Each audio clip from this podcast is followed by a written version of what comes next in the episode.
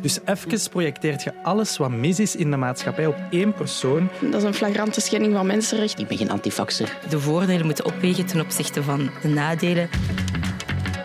Heb jij dat ook? Het gevoel dat we niet meer kunnen discussiëren zonder elkaar aan te vallen of het laatste woord te willen hebben?